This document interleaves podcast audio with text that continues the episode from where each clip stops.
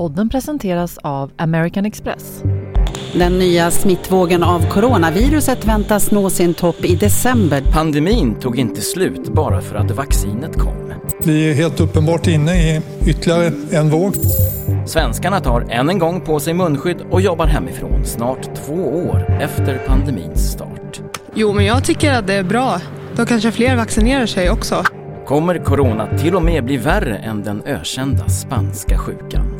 På en kvart får du reda på varför corona inte beter sig som tidigare pandemier och varför vi inte längre pratar om flockimmunitet. Is COVID-19 herd immunity becoming a myth? Det är onsdag den 22 december. Jag heter Joel Dahlberg och det här är dagens story från Svenska Dagbladet.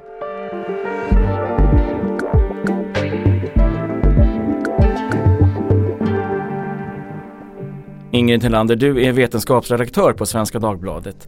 När förstod du att corona inte var någon vanlig virussmitta? Ja, det var väl egentligen där i mars 2020 när WHO faktiskt eh, deklarerade den här eh, smittan som en pandemi. Innan dess hade det kommit många rapporter från Kina om en mystisk lungsjukdom men, men eh, de flesta trodde nog att det där skulle dö ut av sig själv. Men det gjorde det inte. Mm. När vi summerar 2021, blir det ett värre pandemiår tror du än 2020 och i så fall på vilket sätt? Det beror lite på vad man ser på. Eh, globalt sett så är, ser 2021 ut att bli ett värre år. Det är fler smittade och fler döda globalt. I Sverige ser vi faktiskt ut att gå mot ett bättre år och det har vi våra vaccin att tacka för. Mm. För där snackas det ju om, men vadå, det är ju, smittan är ju, är ju värre än någonsin på vissa håll så att det här med vaccinet verkar inte spela så stor roll. Men det, där, där ser vi alltså en väldigt tydlig effekt av vaccinet. Ja absolut och vaccinens primära syfte är ju att skydda mot allvarlig sjukdom och död. Det har också en effekt på själva smittan. Eh, men, men även den som är vaccinerad kan ju bli smittad såklart. Men det är framförallt allvarlig sjukdom och död som de skyddar mot och det gör de väldigt bra. Den här coronapandemin som vi är mitt inne i, den är väl redan det mest potenta så att säga eh, pandemi vi har haft. Den är ju, det, det är fjärde vågen vi är inne i nu eh, och där är det så att vi, det har vi inte sett förut. Ja, nej, man, man, eh, kan väl titta tillbaka på spanska sjukan då som man beskriver hade tre, tre vågor. Första världskriget hade rasat i fyra år när världen drabbades av ännu en katastrof. Spanska sjukan, en influensa som i likhet med covid-19 påverkade lungorna. Crisis came with an intense fever and you were gone. Senare forskning indikerar att spanskan tog mellan 50 och 100 miljoner liv, motsvarande 3-6% av jordens befolkning. 60 to 70 percent of the deaths actually occurred in an incredibly short time of probably about 14 or 15 weeks. Antal döda i världen till följd av covid-19 uppskattas för närvarande till drygt 5 miljoner människor. De första fallen av spanska sjukan kom i mars 1918. Sen följde ytterligare två vågor. Pandemin kom inte från Spanien. Namnet bottnar i att spanska tidningar var tidiga med att rapportera om smittan. Spanien stod utanför första världskriget och landets press hade därmed inte samma censurregler. Spanska sjukan skiljer sig från andra pandemier genom att smittan var mest dödlig för unga människor i åldern 20 till 40 år. Back in 1918 they had no idea what it was that they were being killed by and to me that's the most frightening aspect of the 1918 epidemic. Men man ska komma ihåg att det är väldigt vanskligt att jämföra nuvarande pandemin med historiska. För att, eh, jag menar nu kan vi mäta, vi, vi kan följa det här i realtid, det kunde man inte förut. Mm. Och den nuvarande coronapandemin, den är väl den mest väldokumenterade pandemi vi har haft. Vad, vad kan det få för betydelse, tror du? På den positiva sidan är ju såklart att ju mer man kan mäta eh, och man kan följa det här i realtid så kan man ju vidta åtgärder, man förstår väldigt mycket. Det finns också väldigt mycket eh, bevarat för eftervärlden, dokumentation. Men det kan ju också finnas en risk, tänker jag, att, att med den här ständiga mått content som hela tiden pumpas ut i våra skärmar och på tv-apparater och så vidare om hur många smittade och hur många dödsfall det är så kan man ju få en känsla av att man liksom hela tiden lever i, i ett väldigt liksom undantagstillstånd nästan. Eh, och att, eh, jag menar, de här, om vi skulle kunna fortsätta mäta det här hur länge som helst, vi kommer alltid att hitta smittofall. Så det är väl liksom nedsidan på det hela i så fall. Mm. Så att det faktum att man hittar nya smittofall betyder inte att pandemin fortfarande pågår med, med andra ord. Nej, nej, så är det ju. Och eh, om vi nu ska komma, vad som är en pandemi och inte, det är ju, det finns ju ganska strikt klassificerat. Det är WHO som bestämmer det, liksom klassificerar någonting som en pandemi. Och det gör man när det kommer ett, liksom ett nytt virus som är okänt och som sprider sig på ett oförutsägbart sätt över stora delar av världen, orsakar stor eh, samhällspåverkan över stora delar av världen. Eh, jag menar vi har ju influensor som kommer varje år. Det kallar vi inte för pandemier för det vet vi. Det, är säsongsinfluensa som kommer. Det kan också få stora effekter i olika länder. Men, men det sprider sig heller inte utanför liksom regioner på samma sätt mm. som en pandemi gör. Okej, okay, så det är dels det men också antar jag då antalet döda. Det är det som också avgör när en pandemi är slut officiellt så att säga. Ja, när man ser att ett virus eh, beter sig på ett förväntat sätt kan man säga. Eh, och också, eh, jag menar det kan vara fortfarande vara stor smittspridning och eh, kanske stor sjuk eh, påverkan på dödsfall och så vidare men i, i begränsade regioner eller länder. Då kallar man det inte för en pandemi längre utan då är det en eh, epidemi. Ja, vi pratar ju fortfarande eh, här i Norden om Hongkong som en, en känd influensa. Eh, och den, eh, den, det var ju på 1960-talet då. Men den snurrar alltså fortfarande runt jorden kan man säga. Ja precis och när den kom då, då var ju det en influensapandemi. Det var första gången det här viruset syntes. Men sedan dess så har ju den där virusstammen, eller viruset eh, övergått till att bli en säsongsinfluensa återkommande och det är faktiskt den influensan som, som dominerar i år hos oss. Och sedan 68 så har den återkommit ett antal gånger. Årets influensa är nu på väg mot oss här på norra halvklotet. Det rör sig om en variant av Hongkong-influensan, säger Mia Brytting, chefsmikrobiolog vid Smittskyddsinstitutet. Vi vet att när just H3N2 cirkulerar mycket i samhället, då är det många som blir svårt sjuka. I början av eh, pandemin så pratades ju väldigt mycket, alltså den vi har nu, väldigt mycket om flockimmunitet. V vad är det för något? Ja, flockimmunitet det är någonting som uppstår när en smitta drar in över ett eh, samhälle. Eh, I början har många eh, inget skydd överhuvudtaget, då blir man sjuk. I takt med att fler och fler blir eh, immuna och har blivit utsatta för smittan så sprider sig smittan mindre och mindre och mindre och till slut så har en befolkning sånt stort eh, immunologiskt skydd så att eh, sjukdomen inte längre sprids. Mm. Ja, det var ju jätteaktuellt då i början, minns vi alla. Men nu pratas inte någonting om flockimmunitet. Vad är det som har hänt? Vad, vad, vad, är, vad är skälet? Jag tror att det framförallt handlar om att vi nu har vaccinen och att sen de kom så har vi ju sett att vi fått ett väldigt bra skydd av dem i befolkningen.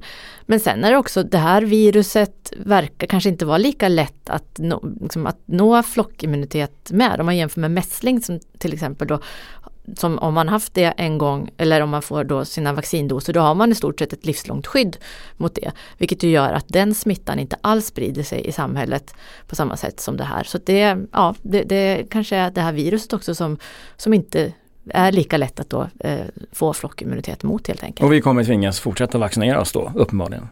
Ja, ett tag framöver kan man väl tänka sig men, men man kan ju också tänka sig scenarier där de barn som växer upp nu som stöter på det här viruset, de blir inte särskilt sjuka, stöter på det gång på gång på gång. De kommer liksom att skaffa sig en så kallad naturlig immunitet eh, av sig själva. Så att eh, ja, det återstår väl att se. Mm. Men eh, covid-19 är ändå liksom det är ju mer diskuterat än någon annan virussmitta vi har haft eh, sen, ja säkert spanska sjukan. Vad, va, vid sidan då att, att, att det spred sig väldigt fort, vilket det ju gjorde. Eh, vad, vad är förklaringen till att det är så, att den är så spridd och är så kraftfull så att säga, som, som smitta?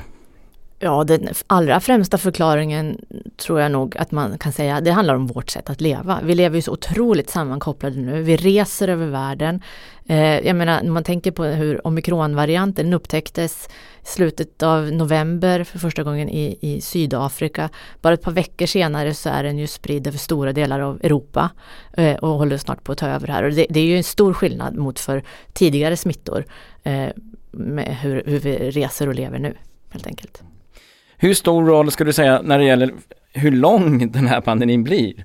Hur, hur, stor roll spelar vår hantering av den? Kan det faktum att vi stänger ner stora delar av samhället bidra det till att, att göra den längre? Kan man säga det? Ja, det där är väl jättesvårt att svara på såklart, men liksom rent teoretiskt så skulle man ju kunna tänka sig att om man stänger ner, viruset finns, det kommer liksom inte självdö. Så stänger man ner, så egentligen kan man väl säga att man liksom bara skjuter på det hela lite grann. Och det är väl till viss del det man, man vill ju göra, man vill ju liksom platta till kurvan för att viruset finns här, man vill se till att sjukvården hinner med liksom. Eh, så då kanske man behöver göra vissa åtgärder.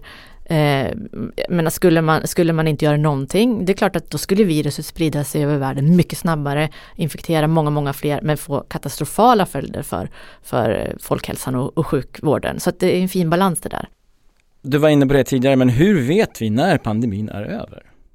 Ja, det är ju, om man går tillbaka till den definitionen då av vad, vad en pandemi är. Och det är just den här spridningen, eh, oförväntade spridningen över stora delar av världen. Eh, där det också ger stora eh, effekter på liksom samhällen och så vidare. När det här viruset så småningom kommer att kunna mm, vara mer förutsägbart. Eh, kanske att det kommer med en viss säsongsbundenhet eller att det sker eh, utbrott som är mer isolerade som inte då sprider sig över resten av världen. Då, då, då kan man ju säga att pandemin är över. Eh, viruset har inte försvunnit för den sakens skull men, men som pandemi så skulle det då betraktas vara över. Mm. Så, så, så småningom så blir det den här vanliga influensan som snurrar runt jorden helt enkelt. Så, med en mildare form. En, en influensa blir det ju inte eftersom det är ett coronavirus. Eh, men, men det kan ju få liksom den typen av karaktär kanske. Eh, vi, redan nu så, så finns det fyra andra coronavirus som, som liksom finns i samhället och som, som, är, som betraktas som vanliga förkylningsvirus. Det vet vi ju inte vad som kommer att hända med, med just SARS-CoV-2 men, men eh, det är väl inte orimligt att tänka att det så småningom kommer att hamna där. Ja, nu håller ju svininfluensan på att bli vår vanliga säsongsinfluensa successivt. Världen har de senaste decennierna haft flera allvarliga virussmittor som påverkar lungorna. De allra flesta mindre dödliga än covid-19. Men det har funnits undantag. Hösten 2002 upptäcktes i Kina ett virus som fick det olycksbådande namnet SARS, Severe Acute Respiratory Syndrome, is a chilling reminder of our frailty in the face of Mother Nature. Den gången hejdades spridningen men drygt 8000 smittade personer konstaterades, varav nästan var tionde dog. Ett annat allvarligt utbrott kom 2009 i Mexiko med en tidigare okänd typ av influensaviruset AH1N1, känd som svininfluensan. Den stora oron har att göra med att det är ett hittills okänt virus som ligger bakom influensan. Ett muterat svininfluensavirus som för smittan vidare från människa till människa och för vilket ännu inte finns några mediciner. Den klassades i juni 2009 som fullskalig pandemi av WHO. Eh, hur allvarligt är läget, Annika Linde? Det här viruset kommer att sprida sig till de flesta länder i världen och att vi kommer att ha svårt att stoppa det. Sen vet vi inte hur många som kommer att bli sjuka. Mellan 150 och 575 000 beräknas ha dött. I Sverige sjösattes ett vaccineringsprogram med Pandemrix som visade sig ge ökad risk för narkolepsi hos barn och unga vuxna. Vågar du spå nu eh, om de nedstängningar som vi ser nu, är det de sista under den här pandemin? Nej, det där känns ju väldigt svårt att spå och sia kring. Det här viruset, det är många som har sagt det, men, det har ju överraskat oss många gånger eh, och beter sig rätt oförutsägbart. Så det vågar jag faktiskt inte spå, men man kan ju hoppas. Mm. Avslutningsvis, eh, som vetenskapsjournalist, vad är ditt starkaste minne från det året som har gått? Ja, det är ju helt klart vaccinernas intåg. Alltså att det, det, är en storartad vetenskaplig bedrift att ha tagit fram de här vaccinen på så pass kort tid. Och det handlar inte om att det var kort och slarvigt utan det var att hela världen gick samman och satte in alla klutar och ekonomiska resurser och forskartimmar och allting för att få fram de här vaccinen. Och det är de som gör att vi faktiskt har en ganska gynnsam situation idag, trots allt. Eh, och eh, även med omikron så, så även om omikron verkar då kunna undfly de här vaccinskyddet till viss del, eller ganska stor del faktiskt, så har vi ändå ett, ett skydd. Vi kommer in i den här säsongen med ett mycket bättre läge än förra året. Ingrid Delander, tack ska du ha. Tack. Drömmer du om att resa bort?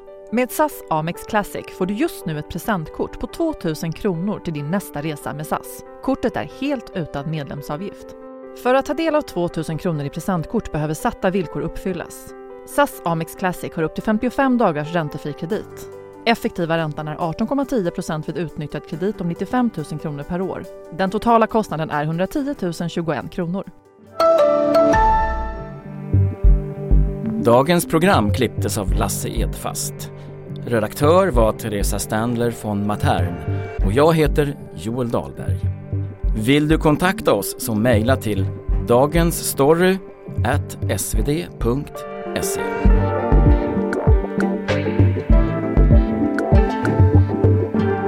Klippen idag är hämtade från Sveriges Radio, CBC, CBS, Al Jazeera, Naked Science och Now This.